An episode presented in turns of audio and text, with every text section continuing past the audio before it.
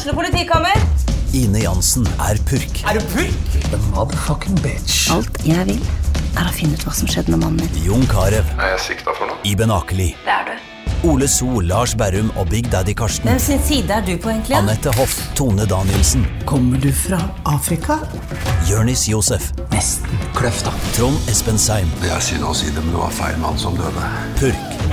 Premiere tirsdag på TV2 Play.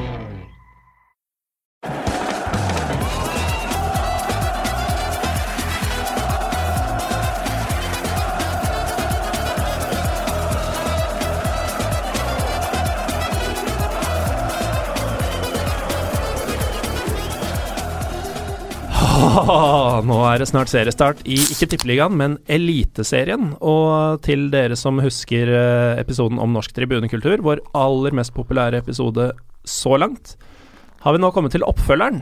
Vi skal snakke sesongen 2017, vi skal snakke Stabæks eh, supportere, og vi skal snakke Godsets supportere. Fra sistnevnte, holdt på å si klan, men union, så har vi pasta nå, pasta nå. tidligere Godsunionleder eh, Joakim Bjørklund. Velkommen til deg. Takk. Du fortalte før vi gikk i studio her at du eh, med åra har gått og satt deg, men eh, du, eh, du brenner fortsatt for dette? Jeg er opptatt av det. ikke sant? Det er jo som en sånn eh, mangel på noe bedre uttrykk, enn gammel sirkushest. Eh, men eh, nei, fant ut det at etter et langt eh, Noen år med Ikke et langt liv, men noen år med verb, så, så blir du litt metta, og da var det like greit å gå på sitta når du kjente at motivasjonen for det å være, være deg 100% var eh, mindre enn det den bør være, da. Men eh, hva er det du savner mest ved, med tida da du var aktiv eh, både i styrelokaler og på tribunene, ikke minst? Nei, det må være junkfood, da, kanskje. Det er, eh, det er veldig utakknemlig jobb eh, å ha et verv, tenker jeg. Det er innmari utakknemlig, for folk tror jo at du, du gjør dette for, eh, som jobb eh, og får betalt, men du, du, du får ikke betalt eh, i annet enn eh, kjeft og kanskje en og en øl etter hvert.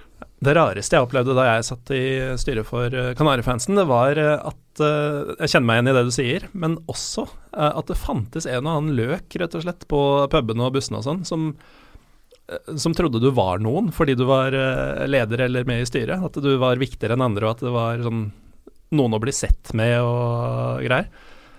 Er det sånn i Drammen, eller er dere skjønner folk bedre? Jeg tror folk skjønner bedre i Drammen, men det var kanskje litt sånn med For å sende en hilsen til tidligere leder før meg, Kristian Stråle. Da var det litt sånn eh, sett og bli sett med han. Så, men jeg opplevde ikke noe av det. Men jeg, han er mye kjekkere enn meg. Eh, med oss har vi også Bjørnar Posse Sandbo, velkommen. Takk for det. Du er jo både det ene og det andre. Mangeårig talsmann for NSA. Eh, noen, inkludert meg, vil hevde at du for alvor har satt NSA på kartet de siste årene. Ja, det, det var jo planen da, vi, da jeg skulle inn. Og jeg husker at jeg satt der på det første konstituerende styremøtet for eh, litt over fire år siden. Og eh, da satt jeg med Paffen og Vegard Ermenrud. Og så spurte jeg er dere egentlig sikre på at eh, jeg burde være med her. For dere tar inn en fyr som hater journalister, og han hater Fotballforbundet. Og har et anstrengt forhold til politi, og jeg skal være talsmann for alle sammen. Og da var det en av dem som sa at du er slik NSA ønsker å fremstå. Og så har det jo vært eh, mange slag. Herregud, det har vært jævlig mye beef. Altså. Det, første vi gjorde, var jo å, å æreskjelle NFF, og det har vi gjort mange ganger. Det har dere gjort mange ganger. Dere er jo Josimar nesten, bare i Ja. organisasjonsform. vi-. Vi møter dem jo jevnlig. Vi skal jo på en måte vi skal jo klare å fungere med dem, men de fikk veldig tidlig erfare at uh, det ble ikke lagt noe imellom. da. Uh, når vi er uh, et talerør, så, så, får de veldig ærlig, uhildet tilbakemelding. Hvis vi sier at vi syns dette her er helt ræva, så, så, så, skal ikke vi være diplomatiske fordi de liksom ikke tåler å høre akkurat det. det så har dette sammenfalt med en tid hvor uh, alternative supportergrupper har blitt uh, si mer, mer stuereine, mer tatt inn i varmen, mer organiserte. Uh, noen er vel medlemmer hos dere nå, av ultrasgruppene og diverse annet? Ja, altså For å være medlem i NSA så, så, må du jo ha en organisasjon og et regnskap og årsmøte og sånne ting, og det har jo ikke disse alternative gruppene. Men da jeg gikk inn, så var jeg veldig opptatt av at vi skulle involvere dem i det vi gjør. At vi ikke snakker på vegne av noen, men, uh, men, det er en del av hele fotballkulturen i Norge. Vi er nødt til å forholde oss til det. Uh, og jeg kommer jo fra et alternativmiljø selv, sånn i, i den forstand at uh, at det er en vennegjeng som, som ter seg litt annerledes og, som har litt andre tanker om kulturen, men som ikke nødvendigvis er helt på kollisjonskurs med supporterklubben. Uh, og jeg føler at det har vært uh, veldig bra for NSA å, å, ha kontakt med alternativmiljøene. fordi det er jo egentlig der veldig mye av rekrutteringa av de unge har skjedd. Det er litt høyt snitt uh, på alder rundt omkring. Er, I klanen er det over 40, og, og, vi er nødt til å liksom finne ut av hva kan vi gjøre for å få ungdommen inn. Da, da føler jeg meg jævlig gammel. Da. Ja, du er ikke den eneste her. Men uh, apropos um, alternative grupper og yngre um, supportere som skal inn, så har du jo kommet rett fra NFFs uh, sikkerhetsseminar. Ja. Er det noe juicy på gang? Vi er jo som vanlig invitert til det de kaller et sikkerhets- og samarbeidsseminar, som da skjer på Ullevål over to dager med veldig mange representanter fra politidistriktene og, og Fotballforbundet og Norsk Toppfotball. Og Eh, det var, det var, et variert program, uh, og det er viktig for oss at vi er der. Uh, da vi, eller jeg og Arne Kristian fra Rosenborg og Tor Arne fra Lillestrøm fikk holde et innlegg på slutten, så satt alle og var ganske vettskremt av en svensk politimann som hadde fått holde på i to timer om hvor jævlig det er i Sverige. Og hvordan det er liksom nærmest skyteepisoder. Og når han da for tredje gang går bort til powerpointen sin og peker på Ultra, så sier de at de her skal jeg jakte for, liksom. Da tenker jeg bare shit, altså. Jeg, jeg er glad for at vi har, får muligheten til å nyansere dette lite grann. For, han låter jo headhunta av uh, håper å si, the old guards i NFF, han er. det høres ut som han har fått beskjed om å fortelle om hva som er ille, da. Fordelen for oss var jo at han også snakket opp supportkoordinator veldig mye. Så idet folk holdt på å pisse på seg, så, så, fikk du på en måte inntrykk av at her er det en mulig løsning, og det er å involvere supportkoordinatorer mer. Uh, og så får vi muligheten til å minne om at uh, ultras er ikke ultras. Altså, det fins uh, mange unge gutter der ute som kaller seg ultras, men som fortsatt er vanlige borgere som vokser opp og er lærere og ingeniører. Og, og dette her er um, Det blir helt håpløst om vi skal innføre tiltak eller gjøre liksom proaktive grep basert på hva andre i andre land mener er ultras? Eh, Joakim, dere har vel eh, I godset skjer det jo spennende ting eh, hvis man tenker eh, ultras-miljø eh, og det som ofte forbindes med dem, eh, bl.a. litt mer sydlandsk stemning og greier. Dere har jo hatt hatt en aldri så liten diskusjon på bruket angående trommebruk i vinter. Kan du ikke fortelle litt om det? Jo, øh, og da Det er jo problematisk i Drammen. Øh, fordi øh, Skal ikke kjede deg med historie, men jeg tenker det at den britiske stilen den er i ryggmargen på alle de som har vært på, på GU, da, som vi sier i Drammen. Fra tidlig 90-tall. Eh, så det er problematisk.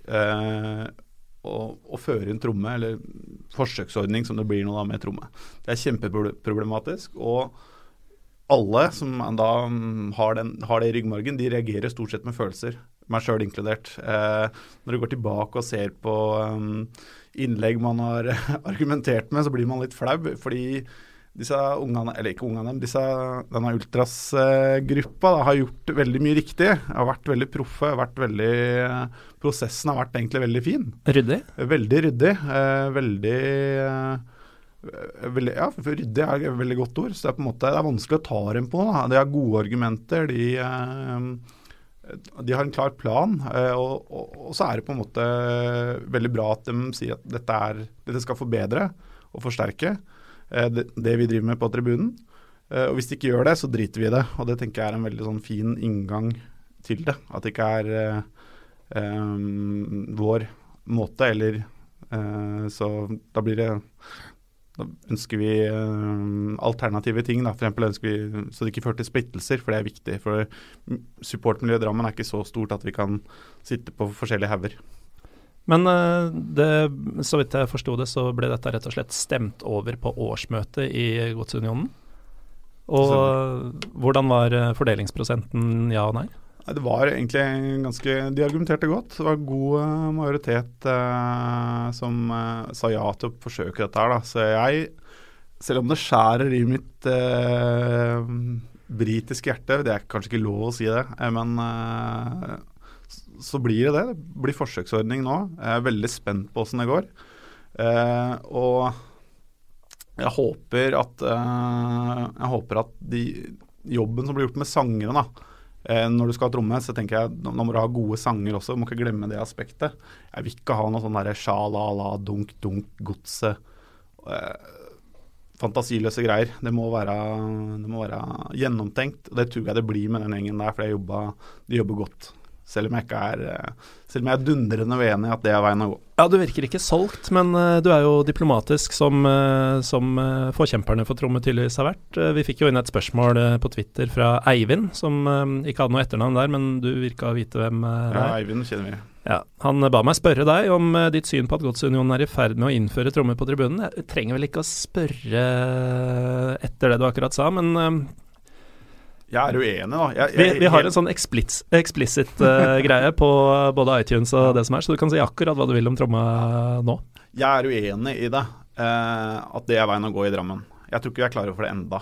Uh, men så er ikke, jeg er ikke så uh, blåøyd at jeg tenker at tromme ikke har noe for seg. Jeg har sjøl vært i Tyskland, i Sverige, hvor tromme er en sentral del av tribunekulturen. og det funker som bare det. Eh, jeg er veldig opptatt av, det vok eh, vokale, går det an å si det, eh, sangen. det er viktig for meg. Jeg var også AIK, var heldig å være på AIK Djurgården. og jeg er veldig opptatt av variasjon i tribunelivet. At man synger forskjellige sanger. Og AIK, jeg tror det gikk 70 minutter jeg, før AIK sang en sang de hadde sunget før i kampen. Og det sier jo litt om at uh, ting, uh, det trenger ikke å være, å være uh, hva skal jeg si det, det, ene utelukker ikke det andre, er det noe som heter. Så det, jeg tror det er viktig at vi, at vi tar dette stegvis. At det ikke blir en sånn eh, kopi eller sånn quick fix med tromme. En ting som eh, det, det, kjennes eh, litt ut sånn som jeg husker å oppleve det da da Kanarifansen innførte tromme eh, i 2005, så visste ikke jeg noe om det på forhånd. Da var jeg en av mange nobodies holdt jeg på å si, på tribunen, og så så jeg plutselig at disse som styra, de bar opp en tromme. Og mitt forhold til tromme i Norge på den tida, det var Bodø-Glimt. Som sto med den Kembo-tannbørsten og dunka løs, og så hørte vi ikke om de, om de ropte noe. Uh, så jeg var jo livredd for at det var sånn det skulle gå. Uh, å innføre tromme i 2017 er kanskje mer sånn frykt for at alle skal bli YouTube-fans? Ja, og så er, er, det, er det noe med at vi skal hele tida, se til se til andre kulturer, la oss inspirere, enten det er Sverige eller Tyskland eller Danmark eller England, som har stått sterkt i Drammen. Det er på en måte Jeg savner litt den derre Ta en folkevise, da.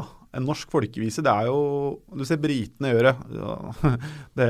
bomba at jeg setter, eksempel, jeg setter, et eksempel fra England, men du, de tar en sang som du da i utgangspunktet ikke tenkte på som en chant eller en tribunelåt, og så gjør de eh, til en låt som Eller tribuneslager, da, eh, om du vil.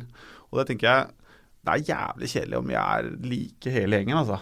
Se hva som skjedde Ikke for å prate, vi kan si hva vi vil her. Eh, jeg tenker sånn Fredrikstad, Ålesund Det er skrekkeksempler eh, skrekk som viser det. På hva som I hvert fall på enkelte sanger, da som det er bare å bytte ut lagnavn og kjøre samme greia som eh, Kanarifansen eller Stabæk eller Vålerenga eller eh, Rosenborg. Mm. Apropos Stabæk, eh, Bjørnar. Eh, dere skal vel også kjøre tromme nå? Ja, det er jo ikke så mange som vet det ennå. Nå, nå, vet de det. Ja. Uh, vi har jo hatt en skal diskusjon mange ganger. Nei da. vi har hatt en diskusjon mange ganger. og nå er det sånn at de unge og fremadstormende ønsker å prøve dette her. Og det er klart at på et tidspunkt så, så må vi det.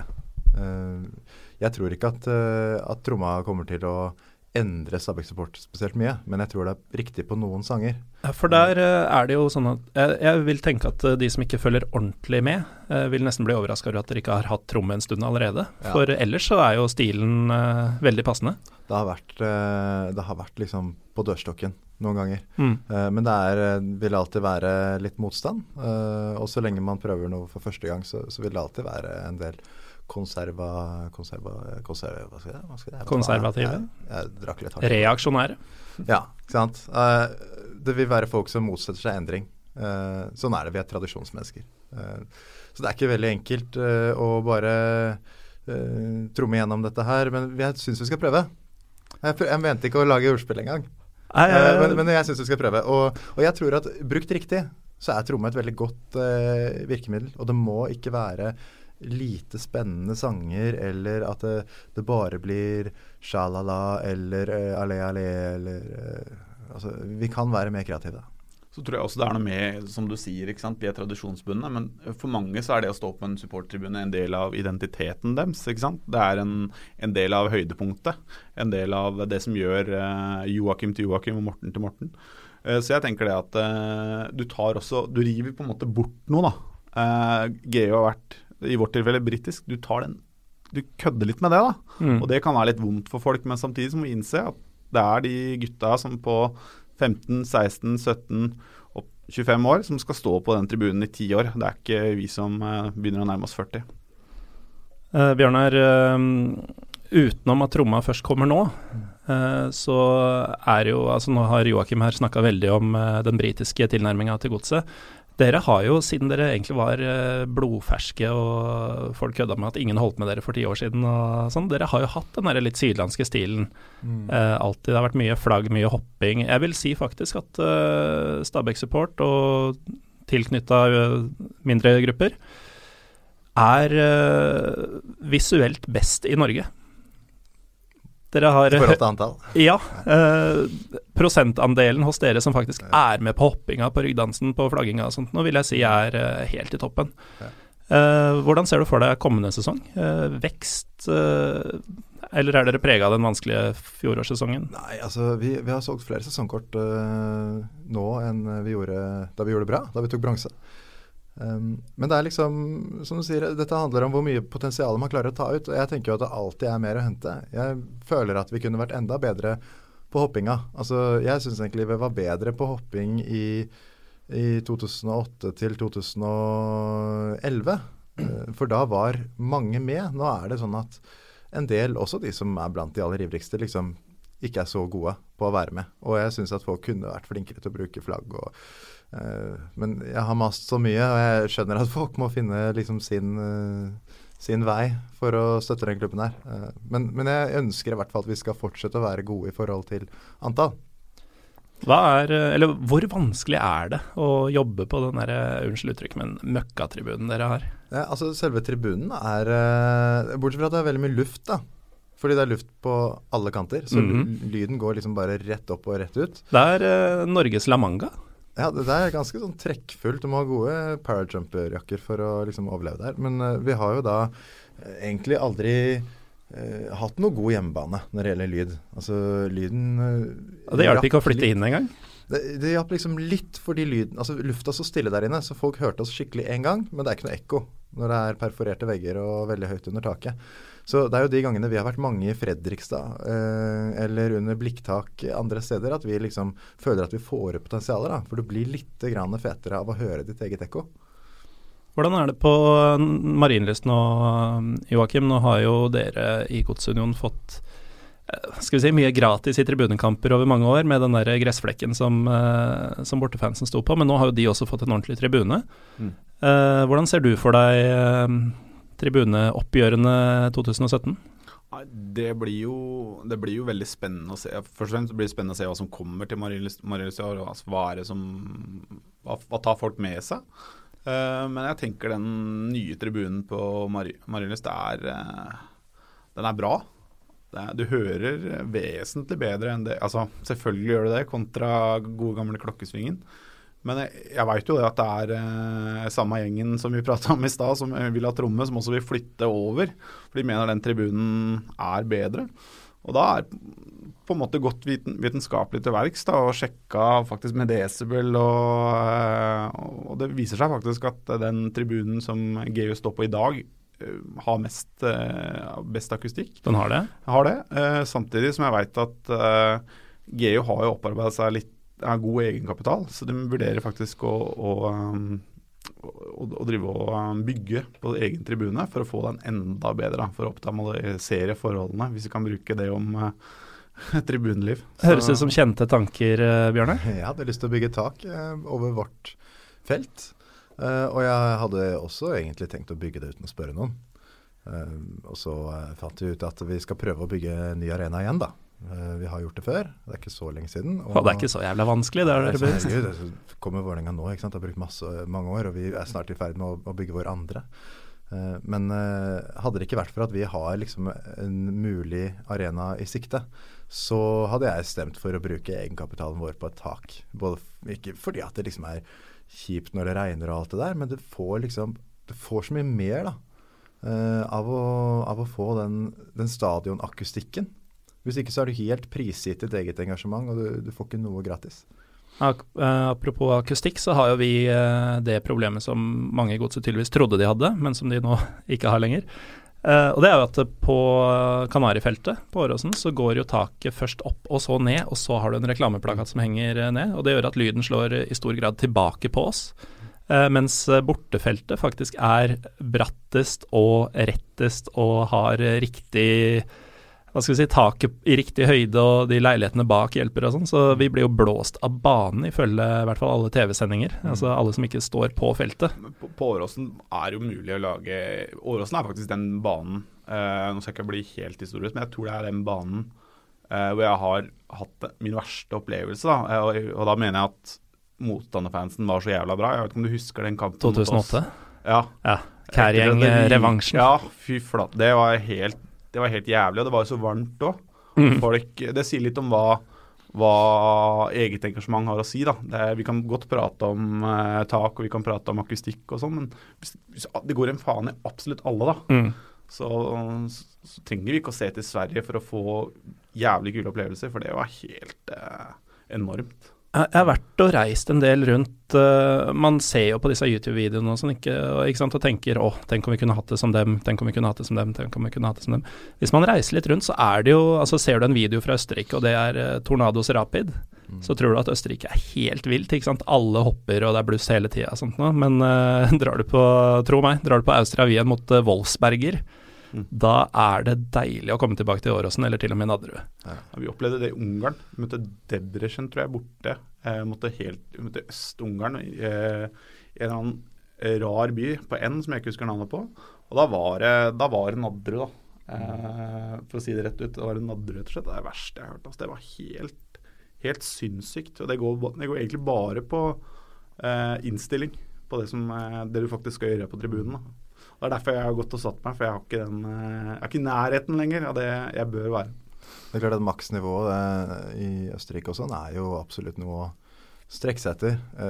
Jeg, når det er vinterhalvår og sånn, så, så, har jeg lydklipp på telefonen fra, fra YouTube som jeg liksom går rundt og hører på. Da. Der hvor andre hører på musikk, så hører jeg på Rapid Wien i 15 minutter, liksom. Så, ja, akkurat dem? For det var helt tilfeldig at jeg nevnte helt tilfeldig. De og Panathinaikos og sånne ting. Så der hvor andre liksom kobler av med bølgeskvulp og, og vind i ørkenen og sånn, så kobler jeg av og 5000 drita gærne folk som brøler alt de kan inni hodet på meg. Liksom. Du har ikke den klassikeren oppi eh, det YouTube-klippet over alle YouTube-klipp. Når du står innom den derre um, Ja, det er baskethallen der, ja. ja. Ja, men den kinosalen også, når de har en sånn feiring. Ja, men Er ikke det det der lokale rådhuset eller noe sånt? Etter annet Aris. Ja, stemmer. Ja, men, kjenner til det, altså. Men det er der, det er Der er det tromme... Jeg veit det, jeg veit det. Jeg vet det, jeg angra på mens jeg Nei, men det, det er det ultimate klippet. Det må, må alle ha sett. Men uh, hvordan uh, Altså hvis vi skal se litt utafor våre egne grupper, uh, hvem du har jo tradisjonelt, og i forrige runde som vi hadde om dette temaet, så ble det nevnt at uh, altså i tillegg til Godsunionen og Kjernen, uh, så er det liksom de gamle, den gamle treeren, uh, Kanarifansen, Brann og klanen, som da fikk ble plassert i hvert fall i topp fem-sjiktet. Hvordan ser dere på resten av landet? Hvem, er det noen vi skal se opp for på tribunene i 2017, eller har dere noen favoritter? Hvis dere tør å si det på lufta, da. Jeg føler jo at GU har vært uh, helt oppe i toppen der. I hvert fall nå de siste åra. Det var en sånn liten dupp kanskje jeg ser på 2000-tallet hvor, uh, hvor, det ikke var like mye, men, men jeg føler at det er uh, de som er å regne med. Og jeg tror også egentlig at det kommer til å skje ting i Skien etter hvert. Mm. For det har jo på en måte vært kroneksempelet på det aller jævligste harry uh, Og da tror jeg dere vet hvem jeg tenker Ja. på. Jeg tror jeg vet Alle hva som har sett heter. en kamp på TV, har liksom måttet ta en liten pause når han kommer på. Da. Eh, Det er flere av dem, er det ikke det? ja, det er en som er veldig, veldig avkledd, da. Og det, ja. Det var ikke han jeg tenkte på. Dere er jo deres egen original eh, som alltid er på TV, denne Greven i Drammen. ja. Hva syns han om tromma? Det For å spørre han om nei, jeg tror ikke Han er litt av den gamle skolen Eller han kjører egentlig sin egen skole, tror jeg. Eh, med veldig hyggelig kar. Livets skole, er det det de Livets skriver? skole. Nei, jeg tror ikke han, han er der, men han, han Jeg vet ikke hvor mye jeg skal si om han. Han er fin type. Eh, ser snillere ut. Eh, han, han er snillere enn det han ser ut som. Men eh, tilbake til spørsmålet ditt. Jeg, jeg greier ikke å se Jeg er veldig spent på Lillestrøm, da. Jeg, jeg er ikke veldig spent, jeg, kan- jeg kan ikke si det. Men jeg, Veit noenlunde hva man får. ja, men hva, hva er neste steg nå, tenker jeg, på, eh, på Fugla? Eh, Stabæk vil vel kjøre Er pound for pound Norges beste? Det mener Jeg, jeg. jeg tror vi skal eh, Når vi får eh, ny arena med ny tribune, jeg tror det er neste steg for oss. Det er veldig vanskelig å, å vokse når det ligger litt sånn uh, halvdårlig til med fasiliteter og Men sånn som En ting vi har gjort, da, eh, er jo at vi halverte prisen på sesongkort og medlemskap for uh, folk som er under 18. Mm. Eh, og det tror jeg er en veldig god ting å gjøre mange steder. At Inngangen til å komme på match må. Må være vidåpen for alle unge som har lyst til å prøve. Men det er ikke så mye daukjøtt. Poenget mitt med det pound for pound som jeg sa i, i stad, det er ikke så mye daukjøtt hos dere. Det er på en måte alle som, de som står der, de synger faktisk. Ja, som regel gjør de det. Um, og uh, daukjøtt uh, Eller de som ikke orker å synge hele tida, de går jo på hovedtribunen. Ja. Og mange av mine venner som har vært med i mange år, uh, er jo der nå. Uh, hovedtribunen vår er jo en av uh, de beste, syns jeg, på å lage lyd. Mm. Kanskje er det fordi at vi har klart å støte fra oss en del fra stå- ståfeltet som ikke orka trynet på oss lenger, og som nå er på hovedtribunen. Men, uh, men uh, der har jo folk snakket om lenge at uh, hovedtribunen, der er det faktisk skikkelig stemning, da, mens mange andre steder er litt sånn vaffeltrøtte folk som sitter og, og, og bivåner dette her som om det var en babykino. Nybakte fedre og den type ting. Ja. Eh, men eh, du nevner at eh, det er vanskelig å vokse under de forholdene dere har nå, og dere har da denne nye stadion liksom blinkende i det fjerne. Hvordan skal dere holde på den mentaliteten som åpenbart er veldig sterk blant de aktive i Stabæk inntil da? Vi må jo være Hva skal man si? Det er liksom Vi ønsker jo alle det beste, liksom. Vi må klare å mobilisere hverandre til å, til å engasjere oss uh, over evne. Um, og jeg er veldig glad for å se at det nå begynner å komme til en del. De siste tre åra så har vi en del unge folk som har kommet til. Og, og det gjør jo på en måte at ikke vi eh, tenker at ja, nå kan jeg legge inn årene og slappe av, men vi tenker liksom at takk og lov at det kommer noen etter. For jeg, jeg var sikker på at liksom, vi var de siste, og så var det ingen andre som gadd å følge etter oss inn døra. Vi må vel eh, innom eh, den nye TV-avtalen, Ja. for den har jo den har blitt sagt mye om. Eh, det hevdes jo at fotballen blir mer tilgjengelig, i hvert fall fra selve Discovery. Ja, Det tviler jeg ikke på, fordi eh, slik det var det siste året, så måtte du kjøpe Premier League for å se norsk fotball. Og folk satte på hver sin kant, og eh, alle middelaldrende, lett overvektige menn som holder med Liverpool, sier at de gidder ikke å betale for Eliteserien, og alle andre gidder ikke å betale for Premier League. Så det er helt klart at modellen kommer til å bli helt annerledes. Og, og Discovery tror jeg kommer til å gjøre veldig mye riktig. Eh, nå har de jo ikke gått ut med priser ennå. Det er egentlig veldig rart, fordi de snakker om at de skal lansere prisene 1.4.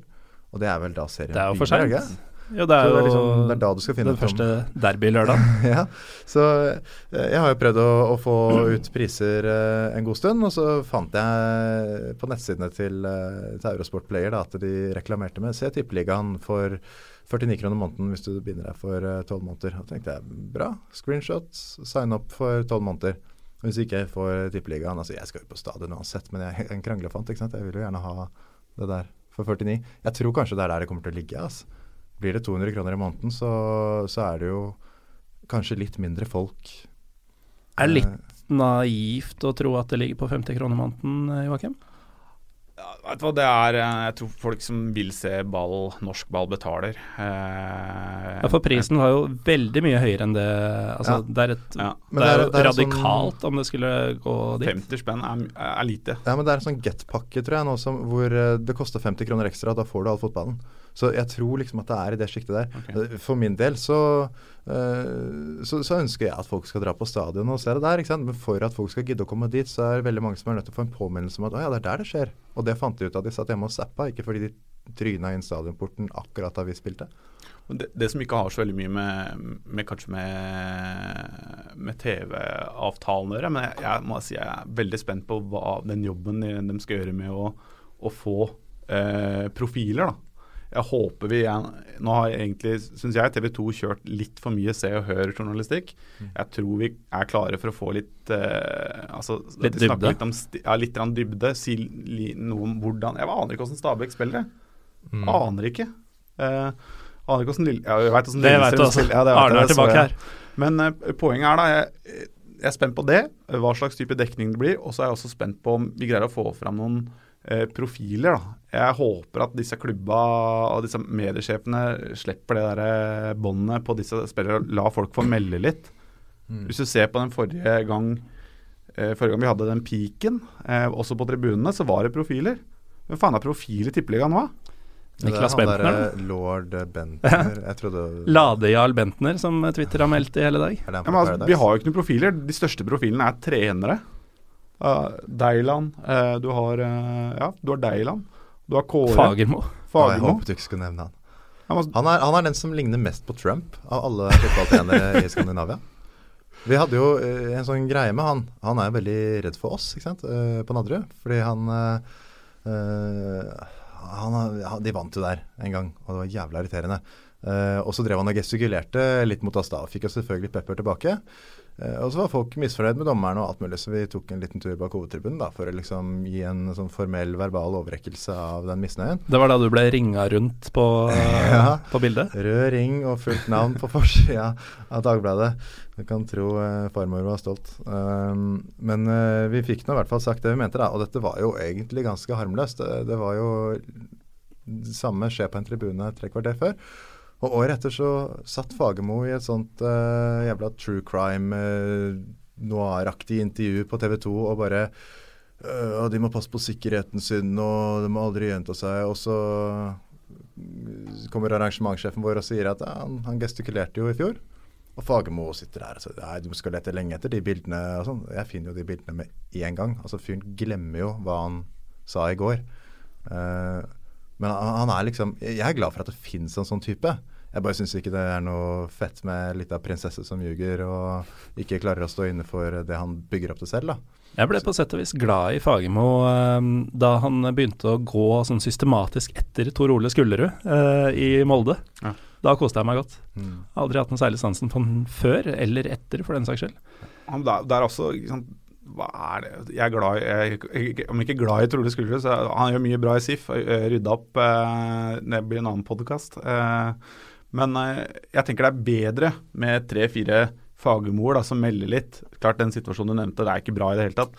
Men det er bedre med sånne enn å bli så indignert. Fordi fa, altså, Fagmo kledde av Toro med en setning. Han. Så var Toro helt satt ut, meldte seg ut av trenerforeninga og har helt sikkert lært litt av det. Men jeg tenker vi må ha, vi må ha litt profiler. Altså. Vi må, Ja, jeg, jeg håper Fagermo fortsetter som han gjør. Det er jo stor underholdning. eh, og han har jo begrenset uh, injurerende kraft. Dette er jo ren underholdning.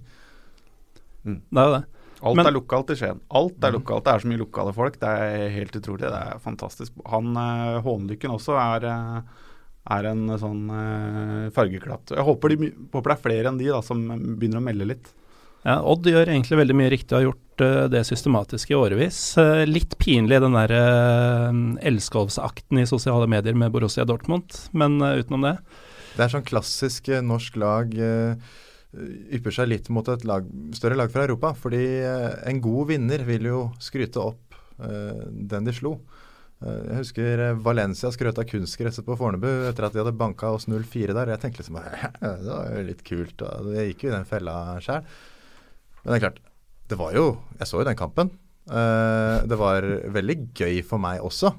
Fordi det er liksom uh, som nordmann så, så, er det en sånn Askeladden-greie hver gang vi er i Europa. Og alle drømmer om å få den opplevelsen der vi uh, mot alle odds liksom ypper oss skikkelig. Og det gjorde jo Odd virkelig i den kampen. Jeg skjønner at de levde på det en stund. Men det er klart at jeg skal, jeg skal ikke snakke for mye om at ja, vi har masse fans i Tyskland. Jeg, jeg tror liksom at uh, altså, det den, toget går uh, Hele den at de tror de er huska den dag i dag-greia, den er litt, litt, flau. Man husker jo alltid dette best selv, og så går verden videre. Og, og, sånn er det. Jeg husker ikke alltid hvem som ble seriemester i fjor. Og med en gang laget mitt ryker ut av cupen, så gir jeg ganske F i hvordan dette går videre. Så man er seg selv nærmest, da. Ja, Som Lillestrøm-supporter, eh, det europeiske øyeblikket jeg drømmer om for tida, det er egentlig å få én kvalifiseringsrunde i fellesferie mot Grindavik eller noe sånt, og ryke. Det er der eh, mitt forventningsnivå ligger. Men hva tenker dere, eller tilbake til TV-avtalen først, kanskje. Vi har bare skrapa så vidt på det. Bjørnar, du som er um, supporternes talerør. Um, hva syns uh, supporteralliansen om uh, avtalen som den ser ut? Altså Priser vet vi ikke, men derbylørdager og mandagskampen ja. tilbake, vel? På denne tida i fjor så um, Eller det var vel i fjor, så uh, kjente vi jo veldig på den spredningen av kampene. Og da startet vi den 161-kampanjen. Vi trengte en sånn lettfattelig greie med å få samla kampene. Og så var folk kanskje ikke helt enige at man skulle ha en kamp søndag. Og klubbene ville gjerne ha en hverdag, for når de skal selge VIP-losjer, så får ikke solgt det på en søndag, du får solgt på en mandag. Um, men uh, samling av kampene var det veldig mange som ønsket seg. Så det, gjennomslagskraften for det der ble jo stor. Og, og jeg kan egentlig altså, Jeg syns ikke noe særlig om den uh, mandagskampen. Vi kommer jo aldri til å, å snakke den opp. Uh, vi vil jo ha det i helgen. Men ikke hvis alternativet er at du spiller på åtte ulike tidspunkt. Så Vålerenga spilte jo på forskjellige tidspunkt de første ni rundene i uh, fjor. Og, og, sånn kan vi jo ikke ha det. Vi trenger forutsigbarhet. da. Uh, når det gjelder den der uh, derbylørdag og sånne ting, så, så, tror jeg liksom at det har noe for seg. jeg tenker at tanken er god. så jeg er ja, litt usikker på hvor mange derbyer har vi egentlig. Nei, det er, det, det er ikke så mange. Uh, og politiet vil jo kanskje ikke egentlig ha Lillestrøm mot Vålerenga lørdag kveld. Uh, Tipper de finner en magisk måte å flytte den på. Ja, det er jo det, kommer, det, gode kommer med det onde. Da. Når du får et stort oppgjør, så vil du også få risikoen for at det skjer et eller annet. Men jeg syns egentlig at det er gjort mye riktig fra altså, av det jeg har sett til nå. Uh, og så er det jo sånn uh, når TV-avtalen flytter seg mellom TV 2 og Seymour og tilbake og, og, nå så Det er jo veldig mange av de samme folka. så det er noen sånne Hva man kaller det? Det er, det er noen sånne kulturbærere som går igjen. Som appellerer til, til norsk publikum. da om det blir kjempesuksess og veldig mange flere tilskuere på lørdag, det veit jeg ikke. Men altså, det, nå legger de ned mye krefter i å snakke det opp, og det er jeg for. Hvis de faktisk uh, bruker derbylørdagen til uh, at dette skal handle om noe mer enn at dette er to byer som ligger nært hverandre, men at de faktisk løfter supporterelementet og sånn, så tror jeg det kan bli veldig bra. Men Joakim, du har jo med årene som har gått flytta fra stå til sittetribune. Hvis det er snakk om 50 kroner måneden, og sånn, hvor lang er veien fra plastsete til sofa? For meg? Mm. Nei, den er, den er, lang. Jeg lover, lover, herved at jeg skal fornye sesongkortet til jeg dør eh, med Strømskose. Eh, men jeg, jeg, tenker, jeg, tenker den jeg tenker, Det er farlig. Jeg, Tenker, må, er ikke, det er veldig mange variabler her da, som gjør at folk går på kamp. Eh, og det, for noen så er det ruskevær, det holder, da. Eh, da blir du hjemme, eh, dessverre.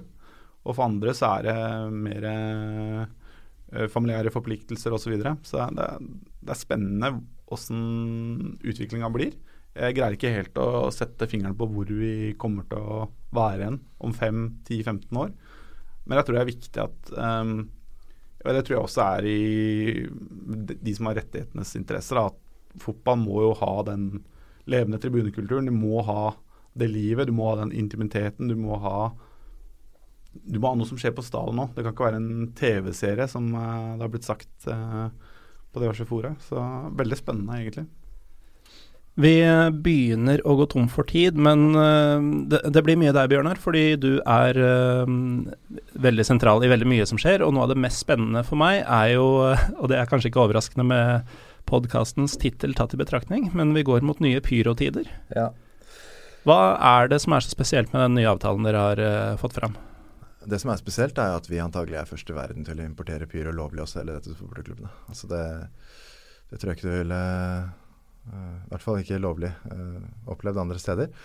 Og uh, dette her begynte jo uh, med en skikkelig uh, Enda en av de store feidene i fjor. da var ikke jeg med på sikkerhetsseminaret.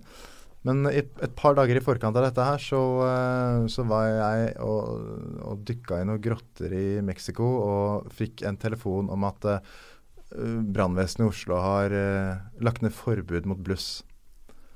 Og da var jeg litt sånn der at jeg, jeg må begynne å se på flybilletter. Jeg må, liksom, jeg må bare komme meg hjem og fikse dette før det går til helvete. Fordi dette handler ikke bare om fyrverkeri. Det handler jo om at ved å ha en, en ordning som funker, så inkluderer man store alternative miljøer og, og nøkkelpersoner i supportergruppene, og du risikerer å få et mye større ordensproblem. Eh, det er ikke sånn at fotballsupportere er kjent for å være de som sier 'å, jeg fikk ikke lov til det', nei, da får jeg bare la være å gjøre det. Liksom. Sånn tror en del folk at at det er. Det er vel noen, uh, noen grupper i dette rommet som har bevist det motsatte. Uh, ja, det, Lillestrøm er i toppen der jeg satt og talte over alle bøtene som har kommet i løpet av siste året. Det er et stykke ned til andreplass. uh, men da, da, var det jo altså en jurist i Oslo brannvesen uh, som bestemte dette her, fordi bluss som vi kjøper i Norge, er nødbluss. og da jeg dreiv rundt i de grottene under bakkene i Mexico. Og det eneste du skal ha i hodet der, er at du skal ikke være mer enn én meter unna den lina, eller så driver du av gårde, og så dør du. Og det eneste jeg tenkte på, var hvordan faen skal vi løse det der pyrokaoset her sånn. Uh, og så fikk jeg et møte med dem da, og, og spurte liksom er det kan dere, liksom, kan dere ikke bare si at dere ikke liker bluss, istedenfor å bruke denne paragrafen? Og si at nei, vi har ikke noe problem med bluss. Altså, dere må gjerne søke om fyrverkeri.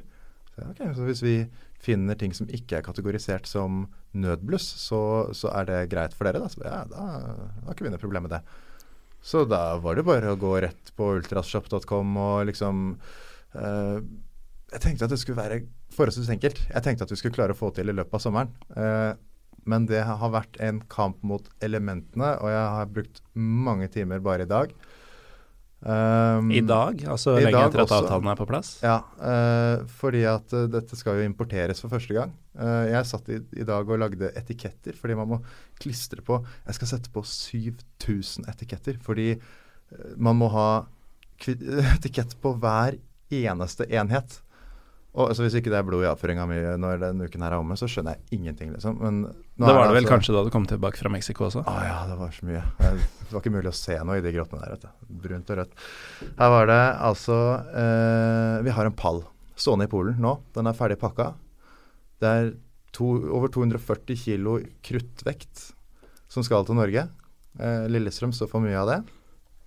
Hmm. Eh, og Eh, veldig mange av supporterklubbene har jo, har jo handla. Eh, og, og, det vi eh, må gjøre for å få dette her over grensa, er jo eh, egentlig bare å, å få fortolla det. Eh, men det er, eh, vi gjør det for første gang, og stien har måttet bli gått opp. så vi må jo kjøre til Strømstad og, og, bære dette inn i en egen bil. Så, altså det har gått så jævlig mye tid. Altså. Jeg har sikkert brukt over 100 arbeidstimer bare på pyro. Uh, og vi kommer jo ikke til å tjene noe særlig penger på det. Vi kommer til å tjene litt. Uh, og bra er det, for vi kunne i hvert fall ikke tapt penger på det. Uh, men det, det Taper vel heller ikke medlemskontingenter på en stund? Nei, antakelig ikke. Og, og det, er liksom, det, er så jævlig gøy å vise at det funker, da. Fordi For et år siden så, så var liksom alt helt jævlig. Og jeg tenkte at nå, nå ryker liksom, nå, nå, har ikke folk noe insentiv for å oppføre seg ordentlig lenger. Altså, det er folk har gode grunner til å opponere, og det er ikke en dritt vi kan uh, si for å, for å, hindre dem. Og jeg hadde ikke lyst til å hindre noen heller. Jeg hadde sikkert brent ulovlig, jeg også. Um, og så plutselig så har vi liksom verdens beste deal, da. Men hva er det som Altså, det er ikke klassifisert som nødbluss lenger. Og for de lytterne som ikke kjenner uh, ordentlig til dette, hva er forskjellen på det dere nå tar inn og, og det vi har brukt? Og ikke minst, Blir det noe lettere i praksis for eh, klubben å bruke det? Altså, det, er, det, er, helt likt. Den fabrikken som, eh, som lager disse blussene, lager jo også nødbluss. Eh, forskjellen er at nødbluss eh, blir eh, kategorisert eh, i, i, et sånt direktiv som heter SOLAS, som er en sånn Souls at Sea-opplegg. Og, og, grunnen til det er at folk skal kunne kjøpe nødbluss uten at det er fyrverkeri. og det vi tar inn, er jo også da heller ikke fyrverkeri slik vi kjøper på nyttårsaften, men det ligger en sekkepost som heter P1, og der er jo all type um, røykepatroner og sånn teknisk byråteknikk som rørleggere bruker for å finne lekkasjer. og Alt havner liksom der. Og Fotballforbundet hadde ikke noe problem med å si at uh, så lenge dette blir søkt om, så, så, har ikke de noe problem hvilken kategori det er. For søknadsprosessen til politi, brannvesen, klubber og sånn, den er fortsatt den samme? Ja, den er helt lik. Mm. Uh, og, og, det tror jeg den vil være en stund. fordi det er, uh, det er fortsatt ikke alle som liker pyro, men for hver sesong som går, uh, med dette som funker, så, så blir de kritiske røstene færre og færre. Vi hadde 50 lovlige arrangementer i fjor uten avvik eller skader eller hendelser. Og folk melder oss fra hele Europa og liksom spør hva, hva er det dere har gjort riktig og sånn. Og for det første så en ting som vi har her som de ikke har i Kroatia og sånn, er at vi har ikke 3000 klin gærne folk som gjør hva som helst og har gjort hva som helst i 30 år. Altså Vi startet med supportere som, som er oppgående mennesker som har mye å tape, og et politi og brannvesen som har litt goodwill igjen. Og så er det mye steilere fronter andre steder. Danskene må jo prøve å utvikle et nytt produkt som ikke er varmt. Uh, og det er jo Noe som brenner, men som ikke er varmt? Ja, så det lyser jo, men det lyser jo liksom en, en femtendedel av uh, den effekten vi har her. Og jeg tror ingen norske supportere ville adoptert noe som ser ut som et kakelys. Um, men det, det, er liksom den enden de jobber uh, i nå. Og svenskene, der ønsker jo bare alle i ordensmakten at ting skal ta slutt. Og, og det kommer de ikke til å, til å gjøre. Nei. Så det er mange forskjellige tilnærminger. Da. Man kan ha en tilnærming om at vi gjorde så godt vi kunne, og hvis klubben har gjort alt det som må anses som mulig å foreta seg for å hindre pyro, og så blir det pyro likevel, så, eh, så har man fortsatt gjort sitt beste. Da, og da må man begynne i en annen ende. Joakim, vi må avslutte, men uh, nå kommer tromma til Drammen. Kan vi forvente mye lys og varme på tribunen også i 2017? Jeg skal ikke se bort fra det. det er, jeg tror vi har skal vi, se, skal vi, komme med en sånn brannfakkel for å få litt Bokstavelig talt? Uh, for, ja, for en brannfakkel bokstavelig talt. Jeg tror faktisk Strømsgodset start 2013-sesongen er det kuleste lovlige showet som er gjennomført i Norge. Så kan de som eh, er der ute på Twitter og Facebook og eh, klikke på det. Men det, det er min brannfakkel. Jeg tror aldri jeg har vært med på et lovlig show. Men, jeg har eh, fått inn et spørsmål fra, fra meg selv, faktisk. Ja, eh, det, det kan du deg, stille programleder. Ja. Eh, mm. Hvorfor ligger det en buttplug på bordet ute i pauserommet? Ja, det Spørsmålet kunne jo like gjerne være hvorfor så du umiddelbart at det var en buttplug? Jeg kjenner, jeg kjenner jo igjen sånn. Ja. Nei, eh, vi har uh, på dette lille mediehuset som, uh, som, dette har blitt, moderne media, så er det en rekke podkaster. Vi bikka 40 faktisk forleden. Og noen av disse tar for seg andre ting enn fotball. vi har bl.a. en podkast på bruk som, som, handler om lesbiskhet. ikke at jeg tror de står bak den buttpluggen, men det er også mye standup-komikere og kvinner og, det er mye buttplug-bruk i kvinnepodkast? Ikke nødvendigvis, eh, men uh, nå er det ikke vi i Pyropivo. Vi har foreløpig ikke tatt den buttpluggen i bruk. Men jeg kan se for meg at det er i hvert fall tre-fire podkaster som fort kunne finne på i hvert fall ta bilde av den.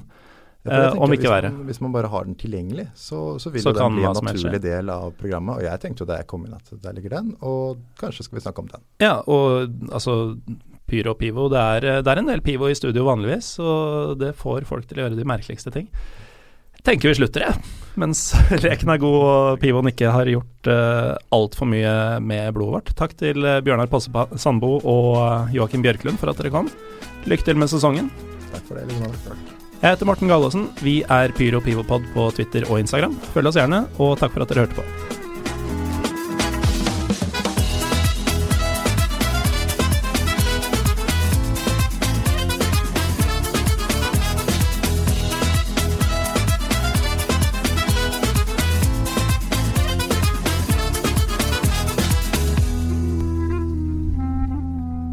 Klarte er greit eh, med den buttpluggen, altså. Ja, syns du det?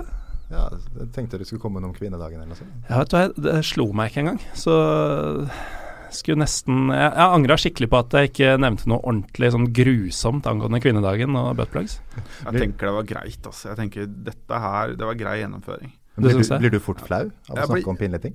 Nei, Jeg blir ikke fort flau, men jeg merker jeg sitter i sånn studio, og så er det jo ikke det er jo grei luft der. Men sitter med ullgenser, og så tenker jeg faen meg, dere er råproffe. Grei luft. Det Det er så dårlig luft. Og så, og så tenker jeg hvorfor i helvete tok jeg på den ullgenseren? Hvorfor tok jeg på den ullgenseren?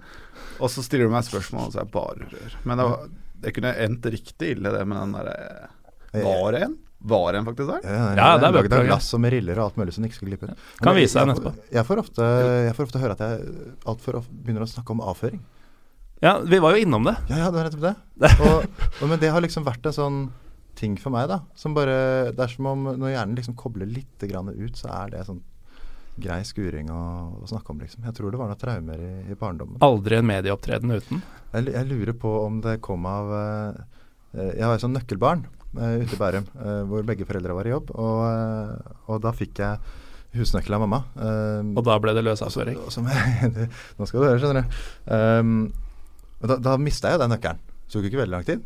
Eh, og med en gang man står foran en låst dør, altså, da må du jo drite, ikke sant. Uh, Ja, ja. og, uh, og jeg bare Og jo mer du nærmer deg ja, ja, Og så ser jeg bare Shit, jeg har ikke nøkkelen. Hva gjør jeg nå, liksom? Og jeg var litt sånn sosialt rar. Altså, jeg var Jeg hadde bolleklipp og lukta litt rart. Jeg ble overkjørt av min egen barnevogn da jeg var to og et halvt år gammel og hadde en blå tann. Og liksom perfekt utseende for en gutt som ikke vil ha så veldig mye kontakt med andre mennesker. Da. Så Du har jeg- ikke bolleklipp lenger. Nei, heldigvis ikke. Og så, så jeg ville jo ikke gå til naboen for å spørre om å låne doen der. Sånn, Herregud, kan jeg bæsje hos deg?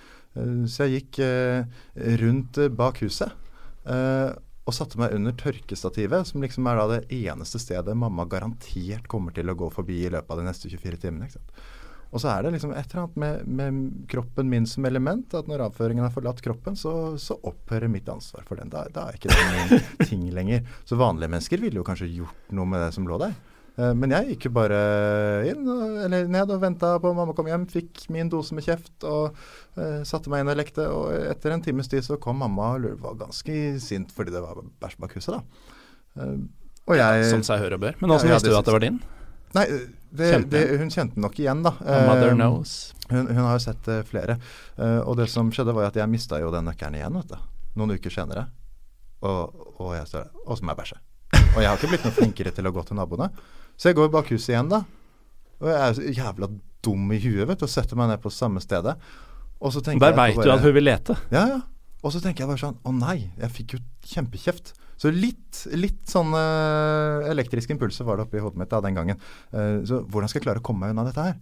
Uh, og jeg er jo sånn Jeg finner kreative løsninger på ting, men noen ganger så tenker jeg kanskje litt langt. Altså litt for langt, da. Så vanlige mennesker ville kanskje plukka den opp med et par pinner og liksom pælma den inn i noen busker og, og sånn.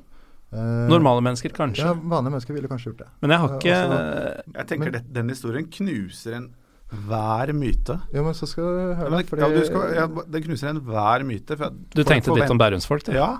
Folk forventer sånn om eh, Lillestrømlinger og drammensere. Folk fra Drammen og fra Strømsø i elva. Ja, ja. Men ikke fra Bærum. Og vi hadde jo også en dukkestue oppe i hagen, og det ble jo min redning, ikke sant. Så vi gikk dit og henta en sånn lilla plastkniv, og så, og så skulpturerte jeg det mesterverket mitt for at det skulle se ut som at det var en katt som hadde gjort det. Hva i alle dager? Så da jeg eh, kom ned igjen og fikk eh, min dose kjeft, og så satte jeg meg og lekte med mine ting, og så kommer mamma og bare Faen, det er Bjørnar, det er bæsj bak huset igjen, altså! Jeg bare, Nei, det Det var ikke meg, vet du. Det må ha vært en pussekatt. Ja, da kan du hilse den pussekatten og si at den glemte å ta med seg den rosa plastkniven sin. For den hadde jeg latt være igjen oppi der. Og det var en av de gangene hvor jeg måtte hilse på en eh, voksen dame som jeg ikke kjente fra før. Sånn type pedagogisk eh, utdannet uh, terapeutaktig dame. Eh, og da konkluderte de med at uh, eh, i en sånn skjematisk eh, terapitime så fant de ut at Fekofil, er det jeg havna i en sånn kolonne som het 'uten forbindelse med'. Så jeg drev rett og slett bare rundt i mitt eget Du var utafor alle kategorier liksom av helt barnepsykiatri. Dette var liksom på kanten av diagrammet. Jeg, eh, min sykeste drithistorie er nok eh, Vil du kanskje komme med din først, Joakim? Hvor, hvor varmt er det i ullgenseren din nå? Nå er det varmt. Nå er det bra varmt, ass. Nå, jeg trodde jeg var folkelig, men kanskje ikke folkelig nok. Nei, veldig vi kort. trodde jo vi var ferdig. Ja, veldig kort joggetur. Eh, hva faen er vårt, da? Nei, eh, veldig kort joggetur. Ja, en av få joggeturer. Um, litt samme greia. Må ringe på på et sted. Tar for lang tid før vedkommende kommer ut. Må gjøre mitt fornødne og uh, På trammen. Nei, i en busk, men man lager jo Nei, man lager, man lager jo lyd. Så når vedkommende åpna døra, så var det mer en lyd som man lager Ja. Jeg veit ikke åssen lyder du lager i Bærum, men eh, ja. Ut fra det jeg har hørt Nå er det varmt, altså. Nå er det, her er det varmt. Ullgenser opp. Ja. Ut fra det Bjørnar har fortalt, så tipper jeg at det høres akkurat likt ut som Sikker når vinner oss vanlige folk der, altså. Men hva var din, uh, Jeg bodde i en kort periode, eh, og dette var jo i voksen alder, jeg var vel eh, akkurat fylt 23, tror jeg. Bodde en kort periode i Frognerveien, og var på vei hjem fra et nachspiel, eh, dette var i mai-juni, må ha vært. Uh, på vei hjem fra et nachspiel på Sankthanshaugen. Jeg gikk, for jeg eide ikke nåla i veggen og drikke opp alle studiepengene mine. Uh, og um, kommer gående nedover, da, har klart meg nesten hele veien. Sola har stått opp, klokka er sånn åtte om morgenen, og jeg ser liksom i det fjerne, så ser jeg Frognerveien, og jeg ser trikken dundre forbi opp på søndagsmorgen og sånn. Og så må jeg jo drite, og har måttet det en stund, men jeg tenker at dette går. Jeg nærmer meg hjemme. Ti minutter. Eh, Ti minutter blir fem minutter, og jeg kommer stadig nærmere denne forjettede gata. Eh, og jeg er jo da i et ambassadestrøk, eh, eller i hvert fall ambassadørboligstrøk, og finner ut når jeg er en si 200 meter hjemmefra at eh, det går ikke lenger. Eh, selv kappgangsstilen klarer ikke å knipe Altså, jeg kommer ikke fort nok samtidig som jeg holder igjen nok. Eh, så jeg kan jo ikke hoppe over gjerdet inn på ambassader, det blir litt drøyt. Så jeg, Jeg fin, lurer på om jeg, jeg finner er et sted hvor, hvor et tre på en måte står litt ut over gjerdet, sånn at jeg får litt skygge. Men jeg sitter jo i praksis på huk i fullt dagslys en søndag morgen på beste vestkant, og har avføring da utafor, eller ved et gjerde på fortauet. Jeg liker, jeg, unnskyld, men jeg liker at er, du er veldig personlig nå. Og så likevel så Det er ganske ekle ord her på vei, men likevel så velger du å kalle det avføring. Ja, det er, veldig Det er en formelt eh, fortalt uh, uformell historie. Men i hvert fall så uh, skynder jeg meg å bli ferdig, og selvfølgelig ikke snakk om å tørke eller noe sånt, for hva skulle jeg brukt? Men eh, jeg skal hjem og dusje snart uansett. Men eh, jeg tar i hvert fall på meg buksa igjen og begynner å spasere ordentlig fort, Uh, i tilfelle noen har sett meg. Og så ser jeg da på denne gullplaketten på gjerdet, da, idet jeg går forbi, at uh, her bor jo da den belgiske ambassadøren.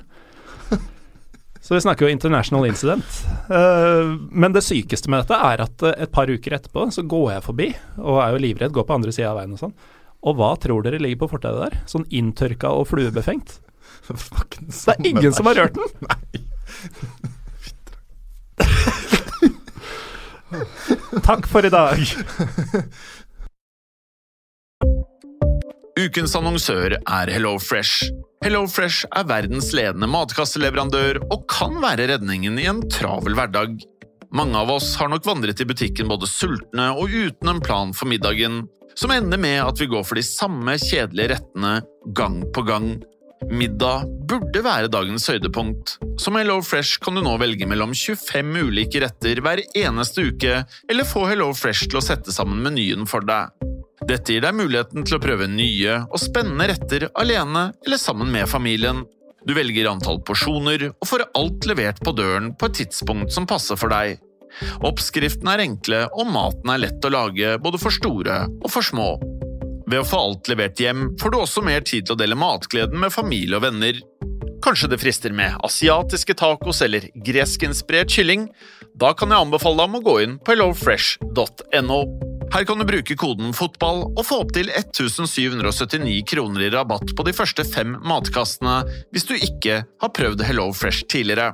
Du kan også bruke rabatten hvis du har vært kunde og stoppet abonnementet ditt for tolv måneder siden eller lengre. Gå inn på hellofresh.no og bruk koden FOTBALL.